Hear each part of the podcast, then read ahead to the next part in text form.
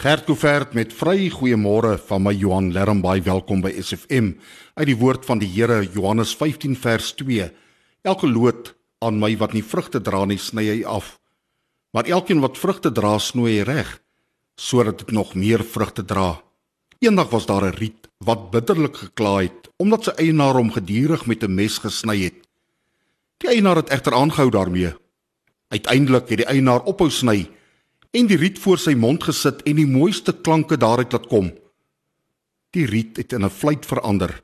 Die pyn was nodig vir die verandering van 'n nutlose riet tot 'n fluit.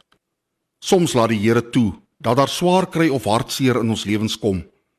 Ons word daardeur gesnoei. En ja, dit is ongerieflik en seer, maar hy snoei ons omdat hy ons liefhet en net die beste in ons wil uitbring.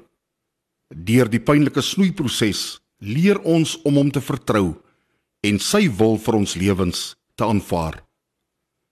Vader, help ons om die pyn en seer van hierdie lewe te verduur ten einde te word waarvoor U ons bestem het. In die naam van Jesus Christus. Amen.